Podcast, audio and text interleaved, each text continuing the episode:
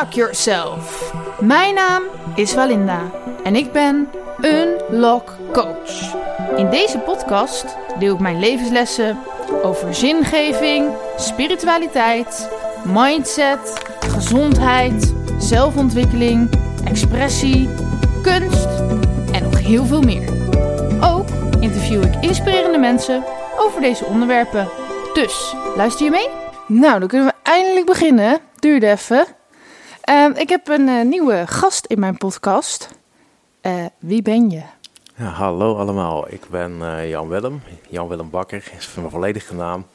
Ik kom officieel uit Utrecht, Utrecht binnenstad. Alleen ik woon nu alweer acht jaar met plezier in Ede. Mhm. En waarom, waarom ben je dan in Ede gaan wonen? Nou, op dat moment eh, werkte ik toen nog in Apeldoorn. Het is eh, toen eh, best een flinke reis. Het was natuurlijk voor eh, de coronatijd, dus had je Mhm. nog heel veel file en zo. En vooral op die irritante A1. Het noemen ze ook nog steeds bij Stroe en Hoevelaken. Elke dag hoor ik die voorbij komen. En toen had ik zoiets van, ja, ik wil verhuizen. En het was ook zo dat in Utrecht zat ik in zo'n heel klein eenkamerflatje. En ja, ik was het echt helemaal zat dat ik ook een ruimtegebrek had. eh, dat ik eh, ja, over de stofzuiger eh, naar binnen moest stappen. Dus toen ben ik uiteindelijk naar een groter huis verhuisd hier in, in Ede. Was toen nog bij Kernum. En ja, daar werd op een gegeven moment de huur die werd zo duur, dat was een huurhuis, dat ik uiteindelijk heb besloten om hier een huis te kopen. En ja, nu woon ik hier met veel plezier alweer zeven jaar in de Bloemenbuurt. Straks komen we allemaal op bezoek. ja, lekker zo dicht bij de Veluwe. Je hebt ook eh, gewoon nog een, een mediamarkt, dus eh, ja, ideaal eh, om te wonen hier zo. Ja, ik woon hier ook met veel plezier. Eh, ik zit opeens, eh, ik hoor je nu al dingen zeggen waarbij ik opeens allemaal vragen krijg, maar dat gaat niet eens per se over jou. Maar is het eigenlijk wel zo? Dus eh, we gaan lekker alle kanten op vandaag, want we hebben ook, eh, dit is een beetje een last minute eh, podcast, die we dus eh, opeens op het eind bedachten. Dus de voorbereiding van ons allebei is nihil, dus we kunnen lekker alle kanten op. Toch? Ja, dat is toch alleen maar leuk. Oké, dus is het eigenlijk wel zo dat de files voor corona minder waren dan na corona? Ik denk het wel, maar is dat zo? Nee, voor, voor corona was het veel erger. Ja, omdat nu meer mensen vanuit huis werken. Ja, maar toch, je hebt ook nu ook wel heel veel files nog. Ja, ja, maar ik ben nu inderdaad juist, eh, ja, dan is het weer dankzij eh, al die maatregelen dat ik twee dagen thuis mag werken. Mhm. Dus het scheelt weer een heleboel eh file, vooral op de, de donderdag. Ja. Wel En ik, nou, ik ben dan nog wel benieuwd van wat voor werk deed je dan in Apeldoorn? En waarom was je dan niet gewoon in Apeldoorn zelf gaan wonen? Maar nou, ik kom natuurlijk uit eh, de grote Utrechtstad en ja, Apeldoorn is nou niet echt heel erg stad. mhm. nou, ik vind daar ook nog best stads. Maar goed, ja. En, ja, Ede die is kleiner, maar dat is toch wat meer stadser dan, eh, dan Apeldoorn. Dat is mijn mening. Ja, sorry eh, als jullie in Apeldoorn wonen, maar dat is mijn mening. En ik ben dus van de, de grote stad Utrecht. Mhm. En ik ben, je vroeg voor het beroep, nou, ik ben ICT'er. Ik was toen ook al ICT'er. Ik ben er wel eh, een paar jaar tussenuit gestapt. Daar kunnen we het zo ook misschien ook nog wel eventjes over hebben. Eh, maar eh, ja, Apeldoorn, ja, daar is... nee, dat vond ik helemaal niks. Oké, dus dan dacht je, Sorry. Ede is een goede oplossing. Nee, die is inderdaad toch wat meer ertussenin. qua Oké. stadsheid en dorp, dorpsheid, als dat de woorden zijn. Ik voel me zo stads vandaag. Oké, ehm, wat is jouw missie op deze aarde? Zo, dat is een hele goede vraag. Een hele diepgaande vraag. En, ja, en bij mij denk ik ook, ik heb dus helemaal niks met ICT. Het is ook een beetje gek dat jij in een podcast zit, maar dat maakt niet uit. Ehm, Ja. Van, ehm, eh, misschien heeft het daar ook wel helemaal niks mee te maken, jouw missie. Maar van, eh, ja, hoe zeg je dat? Ja. Ik zie onder ICT nooit een hele diepere missie. Terwijl het is natuurlijk wel handig dat de bestaat. want Anders konden we helemaal niks op deze wereld. Maar goed, vertel. Maar goed, ja, het diepere doel van ICT is voor mij het, het helpen van mensen door middel van de techniek. Ja, En ik heb op mijn werk ook eh, al twee blije klanten gemaakt. En die komen dan ook elke keer terug op de teams van... hey, kan je dit even doen, kan je dat even doen? En dan, eh, ja, als ik een beetje tijd heb om te reageren... Ja, dan zijn ze nog blijer. En dan ja, word ik ook weer blij van dat gevoel... dat ik die mensen weer blij heb gemaakt. ja. ja, in deze tijd is dat wel echt nodig. Ja, ja ik weet niet waarom. Ja, nou goed. En is dat echt je levensmissie op deze aarde? Of heb je misschien nog een hele andere missie wat niks met ICT te maken heeft? Ja, ja dat is een, eh, bij mij uit de, uit de hand gelopen hobby. En dat is eh, de, de energietransitie. En, Ja. eh, ik ben zelf bijvoorbeeld helemaal van het aardgas afgegaan. Ik heb nou wel een gasmeter hangen. Maar ik heb de cv vorig jaar helemaal niet gebruikt. En dat scheelt natuurlijk en een hoop geld en je bent goed bezig voor het milieu. Mhm. Eh, Dus dat is de- een beetje de andere missie. En wat je nou ook net zei, echt elkaar helpen in deze rare tijden, dat zou wel fijn zijn. En ze elkaar eh, bedienen vanuit de liefdestrijd heb ik een keer geleerd in een of andere cursus eh, die ik op mijn werk had gedaan. Mhm. Dat heette Diep eh, die, Democratie. Oké. Dat was een anderhalf uur eigenlijk veel te kort om dat allemaal uit te leggen. Mhm. Het was wel... Nou ja, het klinkt wel. hoe zeg je dat? Ja, ik weet niet. Bij ICT's verwacht je niet zo snel een missie dat ze zeggen liefde. Terwijl uiteindelijk zijn we allemaal liefde. ja, zeker. Ehm, Oké, nu weet ik even niet meer wat ik moet vragen. Oké. Nou, oké, misschien die energietransitie, daar wilde je het heel graag over hebben, volgens mij. Ehm, Ja. Hoe kwam je daarop? Ja, Even was- voor de duidelijkheid, dit zijn allemaal niet mijn onderwerpen. Dus als ik heel dom klink, dan ben ik ook op dit gebied. Ja? Ja, domme vragen zijn er niet, hè, zeggen ze nee, dat altijd. klopt. Maar van als, als ik klink alsof ik geen kennis over heb, dat heb ik ook niet. Maar het was eigenlijk een paar jaar geleden, hè, toen ik eigenlijk net in dat eh, huis waar ik nu woon eh, kwam wonen. Toen eh, werden de, de plannen al een beetje bekendgemaakt vanuit het nieuws en de politiek. Van hey, we moeten in 2030, of 2000, hè, toen waren de plannen nog 2030, ja, van het, het aardgas af. In ieder geval fossiele brandstoffen af. Ja, toen had ik dus ook, eh, net was de cv-ketel kapot gegaan, had ik net een nieuwe. Toen dacht ik van, ja, had je daar niet even een jaar eerder mee kunnen komen? Mhm. Politiek Den Haag. En toen ben ik uiteindelijk eh, in kleine stapjes eh, ben ik begonnen met het, het gasfornuis eruit te slopen. En zo'n inductiefornuis erin gezet. En dan had ik eh, een centimeter te groot was die, dus had ik eh, die keukenrand helemaal met een vel, een hele vel eh, af moeten veilen om dat ding een keer erin te passen. Echt een ellende was dat.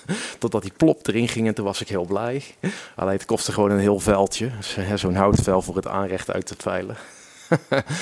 En uiteindelijk was er ook allemaal ellende natuurlijk met de elektriciteit van dat ding. Hè. Dat kost natuurlijk allemaal een hoop elektriciteit wat je normaal met gas kookt.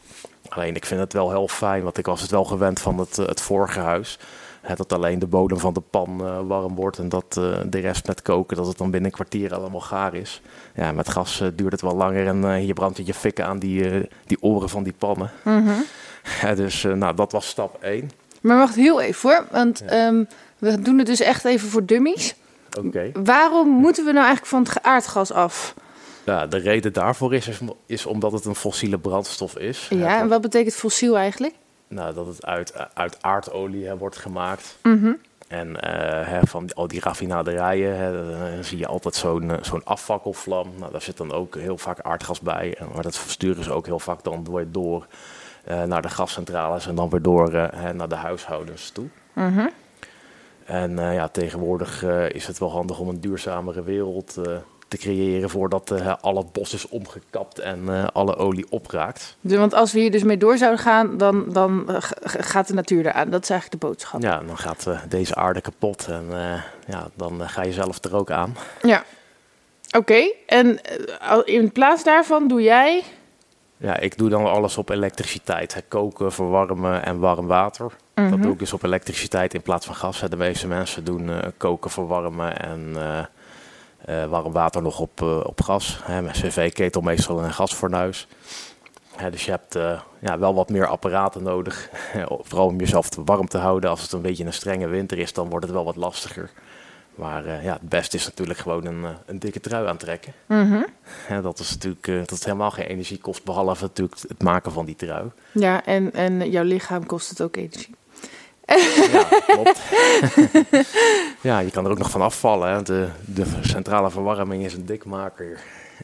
Ja, is dat zo? Omdat je lichaam er tegenin moet verbranden als het koud is, dan, eh, dan val je sneller af. Dus eigenlijk kunnen we zeggen, als mensen er willen afvallen, ga allemaal gewoon je verwarming uitzetten. Ja, dat is ook nog een mooie tip eh, die er dat dan is bij komt. echt een leuke. Ja. Ja, toch? ja, zeker. Ik denk dat dat wel een goede marketingtruc is als we mensen wi- willen die dan minder eh, verwarming gebruiken. Er zijn zoveel vrouwen die af willen vallen, ook wel mannen natuurlijk. Maar Ja, ja, ik heb het zelf niet echt nodig eh, om af te vallen. Maar ik, wel, ik wandel ook twee uur per dag. En dat is ook weer de reden omdat ik ICT'er ben. eh, moet ik toch echt twee uur bewegen. Anders gaat alles zeer doen. vooral in mijn nek en mijn rug. Oké, maar hoe ziet dat... eh, eh, nee, niet hoe het zeer eruit ziet, maar, maar dan kom je uit je werk en dan ga je twee uur in het bos wandelen of zo. Uh, nee, het is wel twee uur verspreid over de dag. Hè. Dus we gaan altijd, als ik op het werk zit, gaan we een rondje door de botanische tuin. Ik, ik werk bij de Universiteit van Utrecht. Mm Dan weten jullie dat. En, en dat is een half uurtje. En uh, als ik daar naar thuis kom, ga ik toch meestal drie kwartier tot een uur uh, een rondje bij het Beat Park in Ede doen. Dat doe je gewoon gelijk als je thuis komt? Ja. Oké. En dan uh, na het eten, dat is ook weer goed voor je spijsvertering, na het eten nog even een half uurtje. En dat is dan gewoon nog een blokje om. Ja, maar dat is best wel veel op een dag wandelen. Ja. En deed je dat altijd al? Of, of hoe ben je erop gekomen, zeg maar? Ja, ja, ja wandelen is heel natuurlijk, maar toch, ik denk niet dat iedereen dat doet zo. Ja, ja ik wandelde altijd, wandelde altijd al. En uh, ja, toen die corona kwam, had ik ook uh, nog meer tijd, omdat ik geen reistijd meer had. Dus toen ben ik juist meer gaan wandelen. En de meeste mensen zijn in die tijd uh, meer aangekomen. Maar ik had zoiets van, ik wil nog meer bewegen. Dus zat ik echt alleen maar stil binnen op de bank of op de bureaustoel. Mm -hmm. Dus ja, dat, dat wilde ik. En ik heb ook ik ben ook een tijdje uit de ICT geweest en toen stond ik echt acht uur in de fabriek te rennen. Dus ik ben ook niet meer zo gewend om zo lang te zitten. Nee. Acht uur lang. En uh, doe je nog meer sportdingen? Nee, nee, het is echt puur wandelen ja, en fietsen dan. En heb je nog andere hobby's? Ja, uh, een andere hobby die ik doe, dat is een beetje beleggen en investeren. Een beetje dat wereldje. Een beetje. Ja, een beetje. Doen we even. ja, en dan met name Bitcoin heb ik me wat meer in verdiept dan in, in al die aandelen. Heb ik helemaal geen tijd voor om in te verdiepen. En, en traden bijvoorbeeld, ja, daar heb ik gewoon geen tijd voor, omdat ik nog een, een volle baan heb. Mm -hmm. Dus het is echt meer, meer ja, een beetje investeren. Een beetje investeren, maar Bitcoin is toch super duur om te hebben? Ja, maar je hoeft geen hele Bitcoin te kopen. Je kan ook een heel klein stukje kopen. Oké. Okay. Bitcoin is verdeeld in zogenaamde satoshis, of satoshis, mm -hmm. ik weet niet goed hoe je het uitspreekt. En dat is één miljoenste deeltje. Oké. Okay. Dus, dus, raad je dat aan? Zou ik een uh, stukje bitcoin moeten kopen? Ja, ik raad het zeker aan. En uh, de reden daarvoor is, uh, nou je hebt misschien in het nieuws gehoord dat er al een paar banken om zijn gevallen. En nou, bitcoin is bedacht tegen dat soort scenario's. En zelf heb ik er bijvoorbeeld uh, een keer een uh, gratis, nou ja, tussen aanhalingstekens gratis, een laptop van kunnen kopen van dus die winst van, uh, van Bitcoin. Mm -hmm. En dat was toch wel een bedrag van 900 euro, echt pure winst in 2020 of 2021 was het, ja 2021. Dus ja, dat is dan mooi dat je dat niet van je eigen spaargeld hoeft te betalen. Ja, oké, okay, dus de, hoe moet ik dat doen als ik bitcoins wil? Uh, nou, je kan, je kan bij verschillende partijen dat kopen. Dan moet je inderdaad wel eventjes opletten uh, welke partij je neemt. En er zijn ook wat dingen in het nieuws geweest over uh, FTX bijvoorbeeld. Nou, daar had je natuurlijk niet moeten zijn. -hmm. Maar je kan bij Nederlandse partijen kopen zoals Bitfavo en CoinMerge. die, die staan ook onder toezicht van de Nederlandse bank. En bij Bitfavo heb je zelf ook een depositogarantiestelsel stelsel tot uh, een hele ton mm -hmm. in euro's. Ja, mocht het fout gaan, dan uh, dekken ze dat nog af. Ja, mocht je denken, wat hoor ik voor geschil op de achtergrond? Ja, dat is mijn hond weer. Ja, die hadden we hier kunnen laten. Alleen dan ging die dit bij Jan Willem op zijn schoot springen. En dan vond Jan Willem even niet zo fijn. Uh, ja, omdat ik allergisch ben. Ja, dus hij zit nu beneden heel hard te piepen. Ik kan er even niks aan doen, sorry. Ja, dit kan ook zo weinig aan mijn allergie doen. Ja. hebben jullie elke keer zo'n door jullie podcast heen. Dus ja, beetje lastig. Uh, poeh. Ik merk wel, dat is, het ligt niet aan jou, maar als het dus niet mijn onderwerp zijn, vind ik het zo moeilijk om me te concentreren op een verhaal. Um, dus vertel, wat wil je graag met de energietransitie en met bijvoorbeeld dat treden en beleggen verhaal? Wat is jouw grootste boodschap voor mensen die daar nog helemaal niks van weten? Okay, ja, mijn grootste boodschap, dat was dus wat ik eigenlijk ook al zei, hè, dat deze aarde kapot gaat als we het niet gaan doen. Mm -hmm. En de andere kant is, ja, je bespaart ook gewoon letterlijk een heleboel geld. Hè. Mijn energierekening was vorig jaar een tientje per maand. Hè, terwijl de rest die niet van het gas af was gegaan, die hadden allemaal klachten dat ze hè, een paar duizend euro bij moesten betalen. Ja. Oké, okay, dus dat snap ik. Dat is ook weer een doel. En uh, nou ja, dus stel je voor, ik heb me dus hier nog niet in verdiept. Ik heb hier nog nooit van gehoord. Wat is dan stap 1 om te doen? Ja, nou, uh, stap 1 is begin met kleine stapjes. Ja. Zo. En ja, bij mij was stap 1 het gasfornuis er dus uit en de inductieplaat erin. Ja, dat is nog Oké, maar eh, ik ben dus helemaal niet technisch. Eh, Ik heb ook geen gas vanuit het schild. Maar Ja. voor de mensen die dus luisteren, eh, je gewoon even je gas vanuit uit eh, rammen. Ja. Of kan je beter even iemand bellen die je helpt? Of... Ja, als je er geen verstand van hebt, kan je nog beter in iemand van, eh, van Werkspot of zo eh, laten komen als je niet zo handig bent. ja. En eh, ja, bij mij eh, ging het bijvoorbeeld ook fout eh, toen ik mijn boiler op ging hangen, mijn elektrische boiler. Ja, toen lukte het niet met de koperen buizen buigen. En toen moest ik dus ook iemand van Werkspot inhuren. Van dacht ik van, ja, scheisse, dit gaat niet goed. Dat kan ik niet meer. of ik kan het niet. Dus ik moest iemand laten komen. Mhm. Oké. Dus ja, dat is wel verstandig. Ja. En, en wanneer ben je nou... Ja, hoe zeg je dat? Wat is het toppunt van energie? hoe noem je dat eigenlijk? Dus, dus als die transitie helemaal voldaan is, als het ware, voor jezelf... Waar, waar sta je dan? Ja, dan ben je echt eh, helemaal energie-neutraal. Ja. Eh, dat gaat met mijn huis eh, niet lukken, want dan is mijn dak niet groot genoeg voor. Mhm. eh, ik heb natuurlijk zonnepanelen op het dak laten leggen. Alleen ik verbruik dan nog wel net meer dan er zonnepanelen op het dak liggen. En dat komt dus omdat het dak niet groot genoeg is om er nog drie bij te leggen. Mhm. Dus ja, dat laatste stukje, dat lukt niet helemaal Om echt energie-neutraal te zijn. Maar kan je een, een, een voorbeeld... Dus stel, we hebben iemand die helemaal energie-neutraal is. Hoe, hoe ziet zijn of haar leven eruit? Nou, het leven zoals i- elk ander mens, alleen je doet gewoon alles op elektriciteit en op zonnepanelen. En misschien heeft diegene ook nog wel een eh, eh, zo'n mini-windmolen op de schuur eh, die je kan maken met, eh, met eh, van die flessen, weet je wel, van Mhm. die cola-flessen. heb ik ook mensen allemaal zien doen. Ja. Dus op die manier. Of eh, zelfs mensen zonder elektriciteit, toch? Dat kan ook nog. Nou, zonder gas, zonder elektriciteit, dat eh, kan echt Ja, niemand gewoon in een hutje. Oh, zulke mensen. Ja, dat kan ook. Alleen ja, dan, eh, dan ben je meestal met verwarmen met houtstook bezig. En dat is nou niet echt heel erg lekker eh, voor de CO2-uitstoot eh, alsnog. En het is ook heel inefficiënt. Oké. En dat weten heel veel mensen niet. Dus we kunnen beter niet op, in een hutje op de hei gaan wonen. Nee, nou ja, het hangt er vanaf wat voor persoon je bent. Ik zou het zelf echt verschrikkelijk vinden.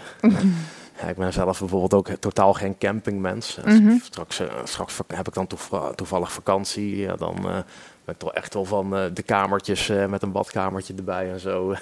Eh, dat ik niet met zo'n wc-rol eh, over de camping moet lopen, dat vind ik niks. Wat is daar, wat is daar zo erg aan? Ja, ik ben gewoon, eh, wil gewoon lekker comfort hebben. Ik ook wel hoor, maar ja, ja. ja. Ik weet niet, Als, als ik wel, ik, ik heb dat als ik op een camping kom, op het begin dan voel ik me echt een soort pri- verwende prinses, zeg maar. Die denken, oh, ben ik mijn spullen weer kwijt en is dit weer klein en hier kramp en een ja, wc-rol en dat soort dingen. Ja. En maar als je het een week hebt gedaan, dan voel ik me altijd wel, dan, dan wen je aan het oncomfortabele of zo. En dan voel ik me altijd wel veel rustiger en, en dan waardeer je de dingen in je gewone leven meer. Ja, ja, dat snap ik ook wel. ik, eh, ik ben wel heel erg fan van de bossen. Ik ben ook niet voor niks hier zo'n beetje be- zo dicht bij de Veluwe komen wonen. Mhm. Het is wel fijn om in de bossen te, eh, helemaal te ontladen. Ja. Ja, ik eh, ben zelf een, een HSP'er en een ASS'er. En dat is een high sensitive person. En een ASS is een, wat je noemt een autistisch persoon. Een autisme spectrum sto- stoornis. En om even te ontprikkelen in de bossen hier vlakbij is wel even fijn. Ja. Ja, en dat is ook trouwens een reden om die, al die wandelingen te doen, eh, vooral na zo'n werkdag. Ja, dat maakt je hoofd gewoon een heel stuk leger. En hoe kwam jij erachter dat je ASS had? Of weet je dat al vanaf je geboorte? Ja, nee, je ziet niet als een kind Nee. eruit komt. Hé, hey, dat is een autist. Nee. nou, weet je niet van vanaf je geboorte. Ja, ik wist het echt helaas, z- zou ik willen zeggen, pas vanaf mijn eh 34ste. Mhm. Hè, want Oeh, dat is echt heel in, laat. de, in de jaren tachtig waren, ja, dan was je gewoon dom eh, vroeger op school als je wat had. Want dat wisten ze toen in die tijd ook al niet. Toen was de wetenschap niet eens zo ver. Mhm. En er waren ook een paar eh, dyslectische kinderen die, eh, die, die ook niet helemaal goed mee konden komen op de, de kleuterschool. En eh, ja, in die tijd, ja, je was gewoon dom, punt. Ja, dat was gewoon in die tijd. Mhm. En, en, maar oh, hoe kwam het dat je op je 34ste daar wel opeens achter kwam, zeg maar? Ja, dat was op, op basis van eh, mijn huidige werk toen. In, eh, het was in 2019 geloof ik, of 2018 zijn we leidingge- leidinggevende van... eh, zou je dat willen laten testen of je dat hebt? Want we merken wat dingetjes aan je. Ja, en zodoende ben ik er dus, dus achter gekomen. En dat is wel een hele eye-opener geweest. Van, hé, oké, daar komt het allemaal, eh, dat gedoe van vroeger vandaan. En dat dingen niet lukken. En dat ik heel erg gefrustreerd eh, raak als dingen niet lukken. Met klussen bijvoorbeeld, noem maar eventjes wat, een Mhm. voorbeeldje. Dus nou weet ik eindelijk van, hé, hey, daar komt het allemaal vandaan. En dan kan ik ook eh, ja, er misschien wat aan doen. Je kan er niet, niet, niet, niet iets aan doen dat je het bent, en dat je het hebt. Mhm. Maar je kan wel dan wat meer sturing aan je leven geven. Ja. Ik vind trouwens wel dat zo'n werkgever dat zegt. Van, van ehm, ja, ik weet niet. want aan de ene kant kan toch ook die werkgever ziet gewoon hoe je bent. Nou, dan hoef je toch niet per se nog een test bij te hebben dat je ook nog dat het echt zo is. Dat zie je toch gewoon aan iemand dat iemand op een bepaalde manier is. Ja. Dus voor jou is het misschien wel eh, een soort van verheldering van, oh, nu snap ik hoe mijn leven liep. Maar ik vind van zo'n werkgever nog best wel pittig dat ze dat gewoon aan je vragen of je dat wilt testen. Ja, nou, uiteindelijk was het wel in, in de positieve manier. Want Ja. hij, hij kon me uiteindelijk ook eh, helpen met, eh, vooral op de, de dinsdag was het zo'n eh, zo'n herrie en zo'n kantoortuin zat ik toen nog. Ja, En toen mocht ik op dinsdag in zo'n hokje waar je wel met twee werkplekken hebt zitten. En dat, dat scheelde toch wel met het concentreren op het werk. Dus uiteindelijk heeft het ook positieve effecten gehad. ja, En voor mezelf ook, dat ik ja, meze- steeds meer mezelf kan zijn en mezelf heb ontdekt daardoor eigenlijk. Want hoe voelde je je dan eerst? Ja, blijkbaar niet jezelf, maar hoe voelt dat dan, zeg maar? En, Ja. en wat is het verschil met nu? Nou, vroeger voelde je sowieso niet begrepen en je had het ook zelf niet door dat je ander gedrag vertoont. Mhm. En eh, nou, na die eye-opener dan in 2019 heb je dat natuurlijk zelf wel eh, veel meer door. En dan eh, kan je jezelf ook nog wel een beetje sturen. Ja, En dan gaat het leven ook een stuk prettiger met, eh, en vooral in de omgang met anderen gaat het een stuk prettiger. En de omgang met, eh, eh, op de werkvloer. oké. Maar ik heb dus een aantal jaar geleden ook de diagnose autisme gekregen. Volgens mij twee, drie jaar geleden. Mm, maar ik had op zich altijd wel... Doordat ik anders was dan de gemiddelde mens, laten we het zo zeggen. Nou is iedereen natuurlijk verschillend. Ja. Uh, maar dat mensen een beetje gek op mij reageerden. En dat ik altijd dacht, waarom eigenlijk? Want ik bedoel het gewoon bloedserieus. En, en toch denken mensen altijd dat ik een grapje maak. Of dat ik het raar doe. Of vreemd. En dacht ik, wat is dat toch? Maar heb jij dat nooit gehad dan? Ja, dat heb ik zeker wel gehad. Vooral in de, ja, de basisschool, de, de- vanaf eigenlijk kleuterschooltijd en eh, ja, tot, eh, tot en met de middelbare schooltijd. Dat je denkt van, ja, waarom reageren die mensen dan weer zo raar op mij? Ja. Ja, eigenlijk vind ik de niet-autistische mensen raarder dan de autistische mens. Ja, ja maar dat is- zo denk ik tegenwoordig ook over. Nee, maar echt, want ze hebben allerlei rare sociale afspraken met elkaar. Die helemaal niet logisch zijn. En, en dan gaan ze, degene die zich niet aan die afspraken houden, gaan ze erop veroordelen. Terwijl de, zeg maar, de, de autistische mensen zijn vaak het meest eerlijk, open, puur. En die zeggen gewoon waar het op aankomt, zeg maar. Ja. Ja, ik ben er ook zo een. eh, Ik ben altijd heel erg direct. En ik hoor ook heel vaak van mensen dat ik dan eh, te eerlijk ben. Ja, En ik zeg ook echt alles van eh, ja, recht waar het op slaat. Mhm. En dan ja, heel veel mensen, dat zeg ik dan ook rechtstreeks tegen die mensen van ja, jullie kunnen niet tegen de waarheid en dit en dat. Mhm. Dus ja, dan heb je weer een botsing. ja. Ja. In ieder geval, er zijn heel veel ongeschreven regeltjes eromheen om mensen niet te kwetsen en zo. Terwijl ik denk, ja, je kan maar beter gewoon zeggen waar het op staat, toch? Ja, ja, dat vind ik ook. maar ja, dat, we hebben het allebei in common. maar ik wilde wel bij zeggen, ja, ASS'ers hebben nou ook weer hele goede kwaliteiten die ja, tussen quotes normale mensen weer niet kunnen. hè. Bijvoorbeeld een, echt een hyperfocus hebben of op één ding her- ergens heel super goed in zijn. Ja, dat is ook waarom ik moeite heb met concentreren op jouw verhaal. Dus het heeft niks met jou te maken, maar omdat het niet mijn, mijn obsessie-ding is, zeg maar. Ja, niet met de autisme dan weer wel, maar... Oké. Oké. Eh, Ik heb zo nog meer vragen, maar eerst over alles wat we nu hebben besproken. Is er nog iets wat je daarover kwijt wil? Nou ja, we beginnen allemaal dus echt met elkaar gewoon te helpen in deze tijd. En eh, ja, oordeel niet zomaar over elkaar, want je weet niet wat iemand in zijn rugzak heeft zitten. Ja, En eh, probeer ook eh, goed te zijn voor deze aarde voordat het te laat is en jezelf er ook aan gaat. Dat is voor mij de twee grootste boodschappen eigenlijk. mhm. Maar dat is eigenlijk ook weer handelen vanuit angst. Maar nee, voor, eh, nee vanuit liefde voor de aarde. Zo kun je het ook zien. Het inderdaad vanuit, uh, vanuit liefde voor elkaar. en probeer ook gewoon uh, ja, je, een leuk leven te leiden. Hè? Dat je niet alleen maar uh, ja, zagrijnig op het werk zit. Want dat moet je gewoon niet doen. Dat is echt zonde van het lezen. Mm -hmm. Probeer ook, ja, je moet wel zelf de slingers ophangen, maar maak er wel een, een feestje van het lezen. Ja, hoe doe je dat? Want ik heb nu een uh, functie op een kantoor. Uh, en, uh, um, maar dan zit je dus de hele dag achter je bureautje. En toen dacht ik dat van hoe hang je de slingers op als je de hele dag achter de computer zit? Snap je wat ik bedoel? Ja, ik snap zeker wat je bedoelt. ja, ik zit dus ook de hele dag achter de computer, achter ja. het bureautje. En de, de, twee dagen op het werk, twee dagen thuis. -hmm. En ja, wat je zou kunnen doen, hè, maak je kamer aantrekkelijk. Hè? Dus uh, smeer uh, een leuke kleur verf op de muur, uh, hang leuke gordijntjes op, zet een of andere leuke plant neer of zo. De, hè, dus zorg dat je er ook wil zijn. Mm -hmm. En als je dan in die ruimte wil zijn, dan is het leven ook een heel stuk leuker. En de andere tip is, ja, your, your mindset is your workplace. Hè? Dus het is helemaal hoe je in je, in je in je geest zit, hoe, hoe je lekker of niet lekker in je vel zit, dat hangt er ook van af hoe je het gaat vinden op de plekken waar je bent. Mm -hmm, klopt.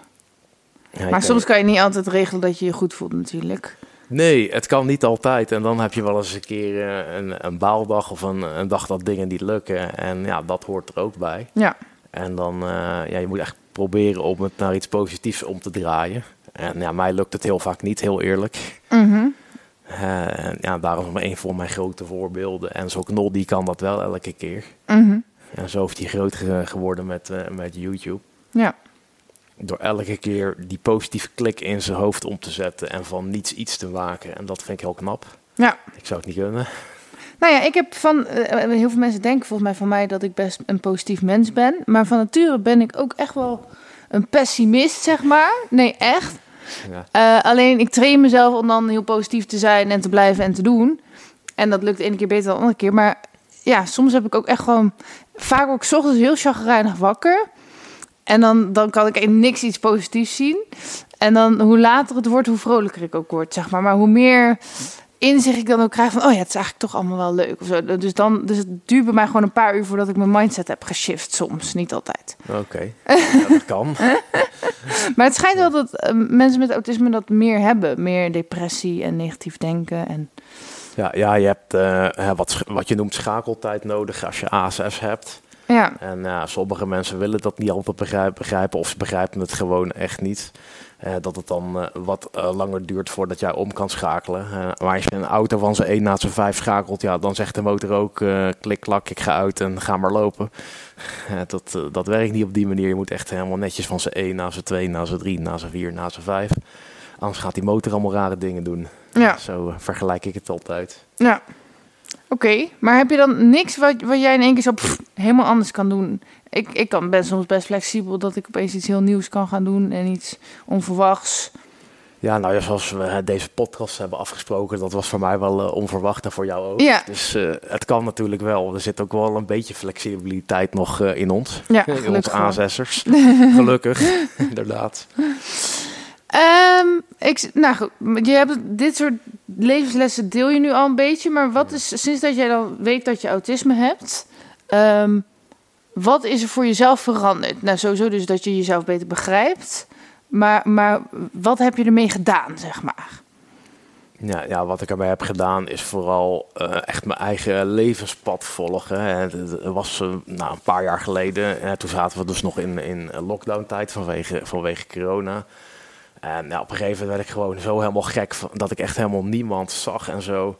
Toen heb ik gezegd van, ja jongens, uh, ik neem ontslag, heb ik ook echt gedaan. Mm -hmm. En toen ben ik uh, uiteindelijk, uh, ik wou, wou loodgieter worden, maar ik ben uiteindelijk in de, in de rolluikenfabriek gaan werken. in Brabant, in, in Kuik. Mm -hmm. En ik, ik moest gewoon collega's zien en lekker met mijn handen bezig zijn. En gewoon echt fysiek weer naar het werk reizen. Oké. Okay. Nou, uiteindelijk was het uh, daar wat minder leuk, omdat het op een gegeven moment werd het november. En dan was het natuurlijk hartstikke donker en er bestelt niemand meer uh, zonwering. Uh, dus toen ben ik uiteindelijk daar weggegaan, omdat ik daar echt de hele tijd niks zat te doen eigenlijk. Een beetje rond aan het lopen en een beetje werk zoeken. Mm -hmm. beetje van die metalen stripjes afsnijden. Ja, dat is gewoon al, allemaal niet zo leuk. Mhm. heel, een, heel eentonig. Dan heb ik weer dat het dan weer te eentonig wordt. Dus dan ben ik uiteindelijk weer verder gaan solliciteren. Nou, stond ik uiteindelijk hier in de, de Valkfabriek, uh, sandwichpanelen. Dat zijn uh, allemaal isolatiemateriaal is dat. Dus uh, stond ik in de, het schuimhok waar dat uh, schuim tussen de twee metalen platen wordt ja, opgegoten, zeg maar. Maar uiteindelijk, ja, dat was twee keer avonddienst en nachtdienst. En ik ben zelf een ochtendmens. Dus, oh, ik ben echt een avondmens. Oké, ja, ik trok dat echt niet. Dus uh, nou, uiteindelijk uh, dan daar weer weggegaan. Nou, weer, weer gaan solliciteren en dan nu terug, toch terug de IT ingegaan bij uh, de UU, de Universiteit van Utrecht. En nu weer lekker ja, elke ochtend van 7 tot, tot half 4 werken. Ik mag mijn eigen tijden bepalen. Ja, soms moet je natuurlijk wat in het weekend doen, want ja, IT is dan wel weer 24-7 aan. En vooral als er uh, updates zijn, ja, dan moet het natuurlijk uh, niet uh, tussen 9 en 5 als het onderwijs aan is, want dat gaat niet goed. Dan heb je boze klanten. Mm -hmm. Dus dan moet het wel eventjes om 7 uur s ochtends gebeuren. Hè. Of, of na 7, 7 s avonds, dat kan natuurlijk ook.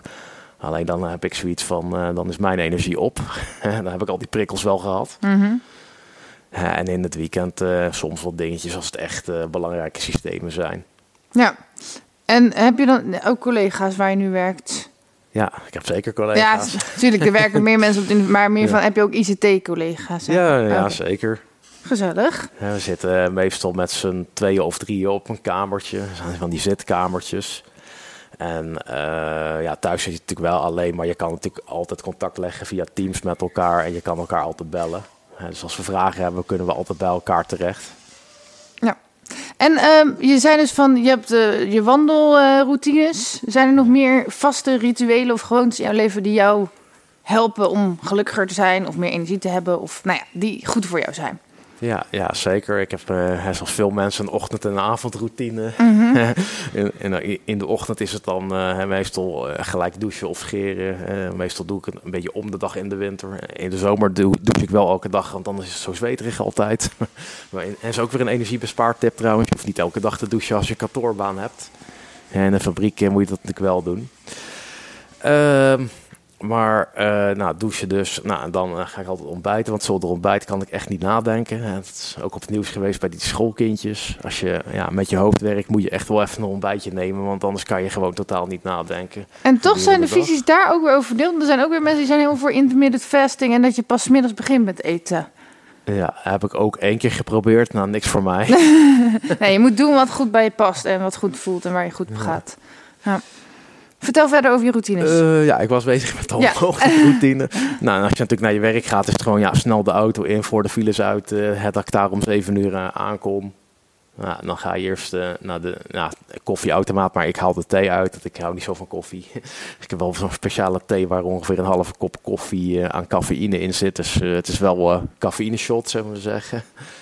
Nou, en dan je laptop opstarten kijken wat er is gemaild, kijken of er nog, nog berichten staan in Teams. Heeft iemand nog bereikt op uh, WhatsApp of zo? Nou.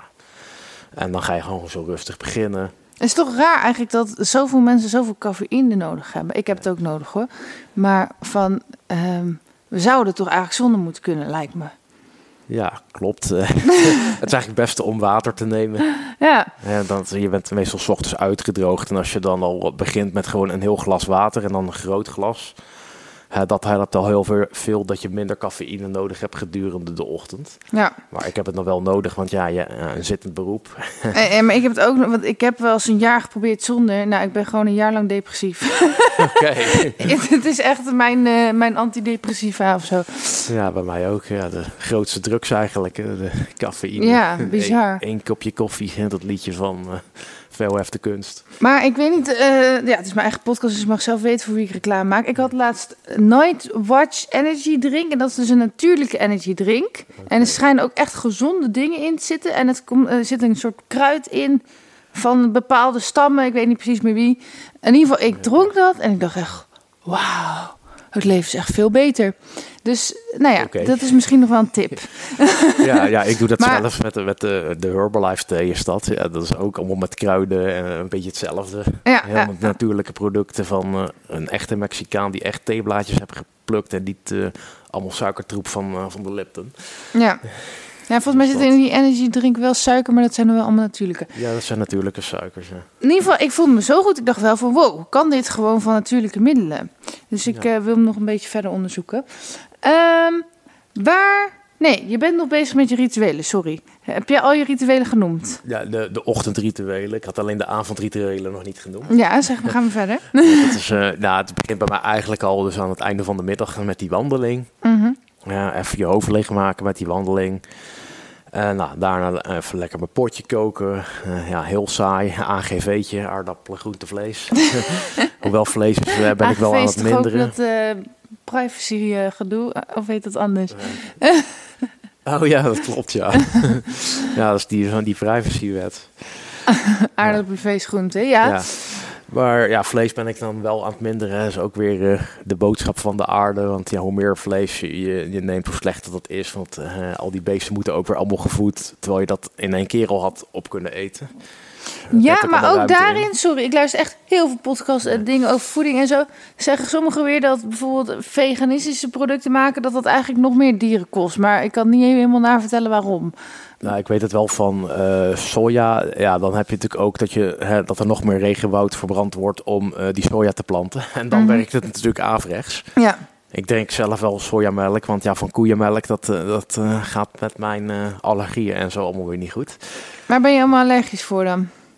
Nou, een heel klein beetje lactose dus. Maar de, ik kan wel gewoon hè, yoghurt en vla en zo'n andere zuivel kan ik allemaal zo eten zonder problemen. Mhm. En eh, allerlei beesten met een vacht en, eh, en hoorkoorts en zo, en huismeid. Al Hoort dat ook bij autisme, denk je, allergieën? Nee, dat is echt puur mijn longen, astmatische longen. Oh, Astmatische bronchitis, ja, dat eh, heb ik ook nog eens een keer.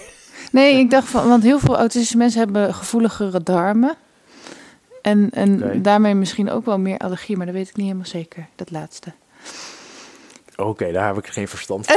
daar kan ik geen Nou, oké, mag ik dan? Dat is wel een beetje een vieze vraag, maar heb jij gevoelige darmen? Ja, nou ja, de laatste tijd eh, eh, wel, ja, lijkt Oké. het wel. En vooral als het stress is, dat slaat er echt op. Ja, want ik, dus ik heb gehoord, heel veel autisten hebben dat. Maar je kan dus ook zeggen, misschien, ik zeg niet dat het zo is, hè, maar misschien begint het wel met de darmklachten, waardoor je autistisch wordt. Oké, ja, het zou kunnen. Ik heb er geen verstand van. Ik ben geen dokter en geen psychila- psychiater, dus. Nee, nee, dat vond ik wel een interessante conclusie. Ga verder met je rituelen. Ik ga alle kanten op, ik weet het. Oh, sorry. ja, ik was gebleven bij het, het eten. Ja, en dan ja, minder vlees dus voor eh, eh, vrijdag. Het is toevallig vandaag een opname vrijdag. Is mijn vleesloze vrijdag. vandaag eet ik dus geen vlees één dagje. Oké. Ja, noemen ze ook wel flexitariër, geloof ik. Mhm. Dus, eh, dus dat. En dan... nou, Een vleesloze vrijdag flexitariër. hey, Ja, dat is een leuk woord voor Scrabble. ja. En dan eh, na, na het eten koken ga ik dus dan nog een keer het ja, di- digestieve wandelingetje doen. gewoon een half uurtje, een blokje om. Heb je ook wel eens geen zin in je wandeling? Ja, nou, als het bijvoorbeeld keihard regent of zo, of het, het is echt ijskoud of het is plus 30 graden, dan ga ik niet wandelen. Oké. Dat soort extreme weer, daar heb ik een hekel aan. En wat ga je dan doen? Ja, dan eh, blijf ik wel eigenlijk heel slecht achter mijn laptop hangen meestal. maar goed. En dan eh, ga je werken of gamen? Of... Nee, eh, dat is dan na mijn werk. Ja. Is nu het avondritueel. Dan, dan doe ik meestal eh, mijn laptop dan daarna eh, weer open. En dan nog even mijn privé-mail en alles doen. En of er op Facebook een leuke post staat of zo. Ja, ja. En daarna is op de televisie gewoon het, eh, het nieuws. Ja, journaal of nieuws. En dan weet je ook nog wat er eh, in de dag speelt. En daarna om acht uur eh, ga ik meestal eh, mijn favoriete YouTubers kijken. Eh, en ja, favoriete YouTubers echt van alles en nog wat. De ene keer is het zoiets doms als Enzo Knol. En de andere keer is het heel serieus met investeren bij, eh, bij Dopey Cash. En de economie van, eh, van Madelon Vos. Of loodgieter Anouar die weer een of andere constructie aan het bouwen is. Het, ik vind echt heel, heel veel dingen leuk. Oké. Eh, en hoe laat ga je dan slapen? Ja, als ik zo vroeg op moet, eh, is het meestal eh, half tien, tien uur. Echt heel vroeg al. Ja. En dan de wekker staat dan op eh 5 uur 55 op de, de reisdagen. Ja, dat vind ik zo en grappig. als ik thuis werk, ja, als ik thuis werk, staat hij om, om kwart over zes, half zeven. Ja. En in het weekend ben ik wel een stukje later wakker hoor. Ik was bijvoorbeeld vandaag om kwart over acht pas wakker. En ehm, eh, als je dan gaat slapen, heb je dan nog een gek ritueel eh, met eh, mediteren of bewegen? Of... Nee, het is puur wel rust, reinheid en regelmaat. Dus wel altijd even tanden poetsen, nog even handen wassen en gezicht wassen. En dan daarna het bed in. Oké. Eh, rust, reinheid, regelmaat. Maar heb je ook wel eens avonturen in je leven? Ja, zeker. Meestal is dat dan in de, in de vakanties. Ja. Ja, ik ben dan eens een keer op eh, zo'n eh, singlereizenvakantie geweest. Ik ben zelf single. En dat was zo'n rondreis in eh, Kroatië. En dat was een hele mooie vakantie. Toen ook iemand ontmoet die we, daar ga ik nog elk jaar, gaan we op, met elkaar op bezoek. Ja, hij woont een beetje ver weg. Hij woont in, in, bij Hengelo, Bo- Borne. Dus het is een beetje lastig om zo vaak bij elkaar op bezoek te gaan. Maar daar hou je dan weer dat soort vriendschappen aan over. Ehm, even kijken. Nou, heb je ook iets waar je in gelooft? Dus dat kan dan, je kan gewoon zeggen oh, mezelf, of in god, Ja. of in eh, een bepaalde religie. Of... Ja, ik eh, wou net al zeggen, ik geloof eh, vooral in mijzelf. Gelukkig ja, ik maar. vind dat heel krachtig. Mhm. Want ja, de enige, als dingen fout gaan in je leven, ben je ook de enige naar jezelf waarnaar je je vinger kan wijzen. Ja. En dat is gewoon eh, heel krachtig. Want ja, heel veel mensen die zie ik ook hè, wijzen naar, eh, eh, naar anderen. Mhm. Oude werksituaties bijvoorbeeld, gingen mensen naar andere afdelingen wijzen of naar andere mensen. Of andere mensen wezen naar mij van ja, jij hebt aan het systeem gezeten. Terwijl, ja, eerst werkt het gewoon en daarna werkt het ineens niet en ik krijg de schuld, weet je. Dan denk ik, waar komt dat nou in één keer vandaan? Terwijl als je gewoon je eigen vera- verantwoordelijk neemt en je gaat gewoon even kijken of troubleshooten of eh, het opzoeken op internet, dan eh, had je het zelf misschien wel kunnen fixen. Oké, maar, sorry, maar nu zeg je eigenlijk dat het dus anderen hun schuld was. Dan kijk je ook niet naar jezelf. Ja, ja dat is ook waar. ja. Trick question hier. Een strikvraag in het Nederlands. Ja. Ik praat ook soms veel te veel Engels, sorry mensen. Ik moet even naar het Nederlands af en toe schakelen. Maar dat is ook wel grappig. Dat is wel grappig. Heel vaak zeggen mensen, je moet naar jezelf kijken. Maar dat zeggen ze dan tegen anderen. Ja, nou, dat is ook waar. maar je kan ook weer... Ik heb ook wel snel dat ik dan te veel naar mezelf kijk. Eh nou, kan dat te veel? In ieder geval dat ik dus alles op mezelf schrijf. Maar dan kan je jezelf ook weer heel snel een schuldgevoel aanpraten over dingen. Hè? Van alles Ja. is mijn schuld. Ja, dat, dat gebeurde ook wel een beetje van, wa- wat heb ik dan nou weer gedaan? En eh, ik ging mezelf ook helemaal schuldig voelen Ja. toen mensen dat gingen doen, terwijl het helemaal niet jouw schuld is. En dan ga je weer eh, eh, de slechte kant op richting de, ja, bijna de- depressie is dan wel een heel groot woord. Ja. Nee, je moet gewoon altijd sowieso overal wel je verantwoordelijkheid nemen. Maar als jij weet dat je er alles aan hebt gedaan, dan moet je Ja. niet als mensen hun probleem bij jou leggen, moet je gewoon zeggen: nee, dit is jouw probleem, mag je Ja. bij jou laten, toch? Ja, zeker. Ja, sommige mensen die maken jou zo eh, onzeker dan. En dan vind ik het gewoon weer lastig. Mhm. Maar ja, tegenwoordig eh, ben ik hetgeen die weer aan het schreeuwen is, want ik weet het zeker. Oké, dus je gelooft in jezelf, dat is in ieder geval mooi. Maar ehm, hoe is deze wereld ontstaan? Eh, is er een, een god of eh, gebeurt alles met toeval? Hoe zie je dat? Nou ja, in, in toeval geloof ik echt de laatste tijd wel steeds minder. Oké, eh, ja, de, sommige, ja, ik woon hier in het christelijke Ede. Sommigen geloven dat het door een god is. En ik heb ook op een christelijke school gezeten. Alleen het kan ook een oerknal zijn. Dat staat dan weer in wetenschappelijke boeken. Ja, ik weet het niet. nee, maar je gelooft wel steeds minder in toeval. Hoe kan dat? Ja, omdat er gewoon... Ik zie wel nog wat dingen gebeuren... Ehm, ja, hoe moet ik dat nou uitleggen? een beetje moeilijk. Mhm. nou, dingen gebeuren dat ik, van, dat ik denk van... hé, hey, als je nou een beetje probeert vooruit te denken... eh, eh, ti- twee tot misschien wel tien stappen vooruit... dan heb ik elke keer van... eh, zoals bijvoorbeeld de energietransitie. Ik zag aankomen dat die prijzen zo, zo hoog eh, gingen, gingen worden. Hè, dus het is nu geen toeval dat ik eh, al van het gas af ben... en dat ik daardoor een lage rekening heb. Ja, dus je voelt manier. dingen aankomen. Bedoel je dat? Ja, het is, een beetje, ja, het is ook inderdaad gut feeling ook hoor. Maar Mhm. ja, ook gewoon door de feiten af te gaan en dan kan je het toch een beetje ja, voorspellen. Is het dan weer een heel raar woord? Pro- ja, proberen te voorspellen wat er gaat gebeuren. Oké, dus dan geloof je niet in toeval omdat je het kan berekenen. Maar geloof je ook dat dingen een soort van voorbestemd zijn? Ja, ja dat geloof ik wel. Dus, dus er is een soort script van ons leven wat er gaat gebeuren. Ja. Ja, ik geloof ook weer niet per se in zo'n matrix-achtig scenario. Maar Mhm. er- ja, er is in ieder geval wel iets. Ja, ik ben, En wat ik doet ben dat gast iets? die dat, dat iets eh, cisme aanhangt dan, zeg maar. Ja. En, en als het een god is, of het, al is het het spaghetti monster bij, Mhm. de Rastafaris, gewoon eh, geloof lekker waar je zelf in gelooft. Maar, en, maar bid je dan ook tot dat iets? Of eh, zeg maar, Nee. wat kunnen we met het iets? Ja, ik heb zelf geen idee. ja, ik vind het hele moeilijke vragen dit, maar ik heb zelf geen idee. eh, Ik zeg ook niet dat jij, is. dat jij het eh, allemaal weet, hè? Maar het is gewoon Ja. leuk om van hoe. hoe eh, nou ja, dus je doet in principe niet. Ja, ik weet ook niet wat je kan doen, maar je doet geen bidden of mediteren of nee, nee, dat soort nee. dingen. Dat is ook niks voor mij. Maar dingen voelen wel als voorbestemd. Dus Ja. alles? Of heb je ook wel eens soms van, nou, dat is echt allemaal onzin. Ja, dat heb ik ook wel eens soms. Ja. Ja. Nee, want ik heb dus ook momenten dat ik echt denk, oh, mijn hele leven is echt gewoon helemaal zo bedoeld en zo. En dan opeens gebeuren allemaal stomme dingen en dan denk je echt van, waar slaat dit op? Ja, ja dat eh, denk ik ook wel eens. Er komt er weer zo'n vervelende levenstest op je pad.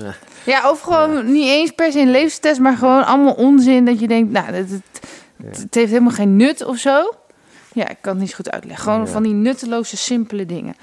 Ehm, mm, mm, mm. Ik denk dat we de grootste dingen hebben gehad. Oké, wat denk je dat er gebeurt als je doodgaat? Ja, dan eh, gaan je ogen sowieso dicht. nou, je kan ook Ja, met je ogen open doodgaan. Nee, maar wat er gebeurt, eh, ja, ik denk wel, eh, dat staat dan wel in de Bijbel, dat wel het geestgedeelte wordt gescheiden van het, het vleesgedeelte. Mhm. Maar wat er vervolgens gebeurt, echt geen flauw idee. En ik wil het denk ik ook niet eens weten. Nee, Ik vind je dat alleen eng? druk, of- ja, druk maken en zo. Ja? Maar ben je bang voor de dood? Eh, nou, nee, dat denk ik dan weer niet. Ik, eh, ik ben in principe niet... Vroeger was ik heel bang voor de dood. Gewoon al- was ik de hele dag bang dat ik dood zou gaan. En, en voor wat er dan ging gebeuren en zo. Dat heb ik echt al jaren niet meer. Dat was echt eh, iets in mijn tientijd of zo. Of misschien nog begin twintig. Ehm, maar ik denk wel, als ik weet dat ik over een uur dood zou gaan... dan zou ik wel bang worden. Ja, maar dan word ik ook wel bang. Dan weet je het. Ja, of ook gewoon als het moment daar is... gewoon alles loslaten en niet weten waar je terechtkomt. Doodeng. Daar weet het ook doodeng, denk ik.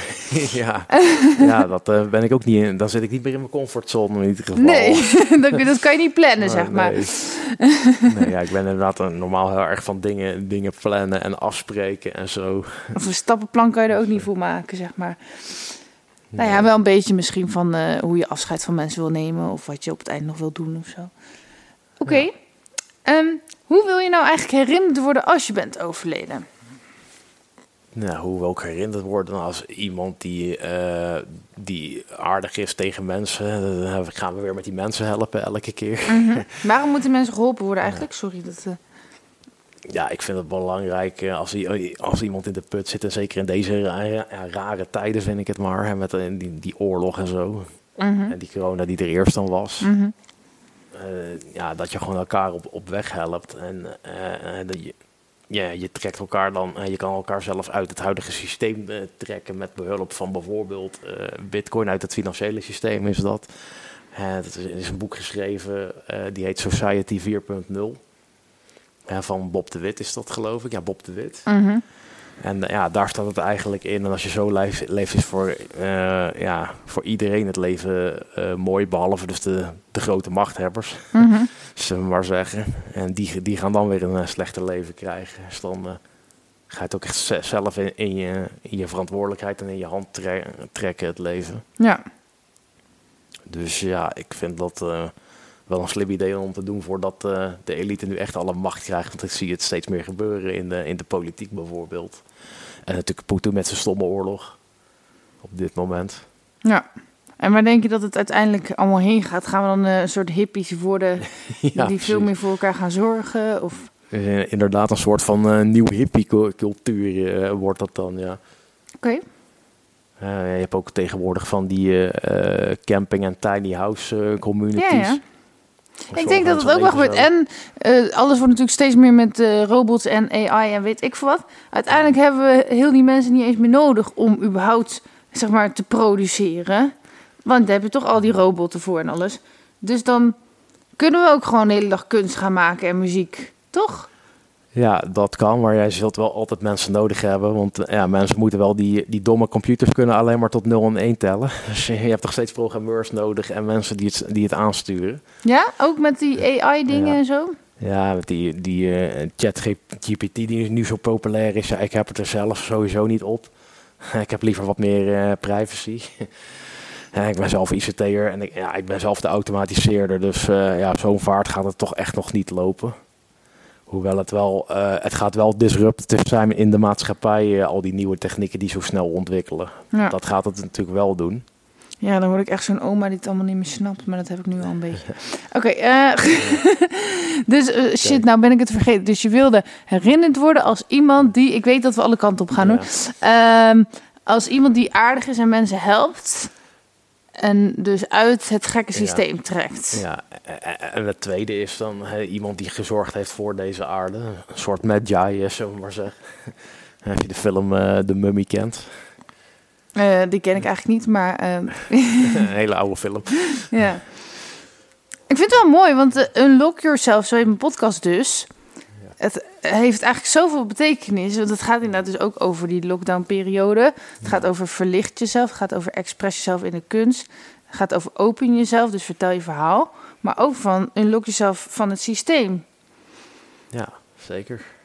Eh, dat, dat, dat is het, eh, het wapen wat we hebben, is nu bitcoin. En je ziet al eh, steeds meer maatregelen eromheen gebouwd worden... omdat ze al, al bang worden, zeg maar, voor bankruns en zo. Maar aan de andere kant, bitcoin is toch ook het systeem? Nou, het is een systeem. Ja. Het is niet het systeem. Nee, nee, nee. Wij zitten nu met, dat heet dan fiat geld. Dat is geld wat dus niet gedekt is door eh, goud. Eh, of bitcoin tegenwoordig. Eh, dat is nu het, het huidige fiat systeem. En dat is eigenlijk gewoon gebakken lucht. Er zit geen, geen waarde achter geld in principe zelf. De nominale waarde is, is nul van geld. Het gaat erom wat je ermee doet, hoe je het uitgeeft.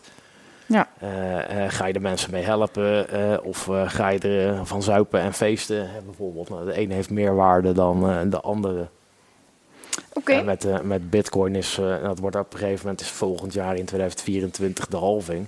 Nou, dan wordt het gewoon zeldzamer dan goud, alleen het is dan in digitale vorm. Ehm, is er nog een laatste boodschap wat je de luisteraars wil meegeven? Of misschien gewoon iets wat je nog wil vertellen waar ik echt niet naar heb gevraagd? Weet je wel, dat je gewoon alles kwijt bent in deze podcast. Nou, ik denk dat ik eigenlijk alles wel verteld heb. eh, maar ja, probeer gewoon hè, je leven te leven zoals jij het wil. Ehm, stel je voor, iemand heeft jou nodig. Met wat dan ook. Nou, misschien moet je eerst even... Waar hoop je dat mensen jou voor nodig hebben? Dus als Ja. mensen deze podcast luisteren en denken... Oh, die Jan Willem, die heb ik nodig. Nou, ik heb dus wel eens mensen geholpen met dus die energietransitie. Ja, dat dat eh, heb ik letterlijk gedaan met mensen bij het buurthuis. En ik heb mensen toen rondgeleid in mijn huis van kijk, zo heb ik het gedaan. En, zo, en daardoor is mijn stroomrekening eh, maar eh 10 euro per maand geweest vorig jaar. Nu is het trouwens alweer verviervoudigd naar 40. Maar dat komt natuurlijk door de gestegen prijzen. mhm. Maar dat is nog, nog steeds heel weinig natuurlijk, 40 euro per maand energierekening. En technische dingen. Ik ben heel goed in, eh, in analyse en eh, probleem oplossen. Ja, dat eh, heb je als, ICT'er natuurlijk ook nodig, want anders ben je geen goede ICT'er. Mhm. Dan gaat het natuurlijk fout, ja, alsnog. ja. Oké, dus als mensen die daarvoor nodig hebben, kunnen ze je Ja. bereiken. Of, en dan natuurlijk gewoon voor andere vragen, maar dat is een beetje van... Daar heb je een Jan Willem voor nodig. Waar Ja. kunnen ze je dan vinden? Ik, eh, je hebt niet echt een website, denk ik, ja, hè? ja, ik, heb, ik heb een eigen YouTube kanaal. Ja, Die heet JW Spatie B, heel saai, gewoon van Jan Willem Bakker. dat Eh, vind je wel heel saai groen hoor. logo. Ja? En daar heb ik dus ook allerlei eh, technische video's op gezet en video's met tips. Onder andere ook weer over die energietransitie, maar ook hoe je bijvoorbeeld eh, je olie kan wisselen van je auto of hoe je een fietsband kan vervangen. Echt eh, voor allerlei eh, simpele tot ingewikkelde dingen staan erop. Olie wis- wis- verwisselen van een auto.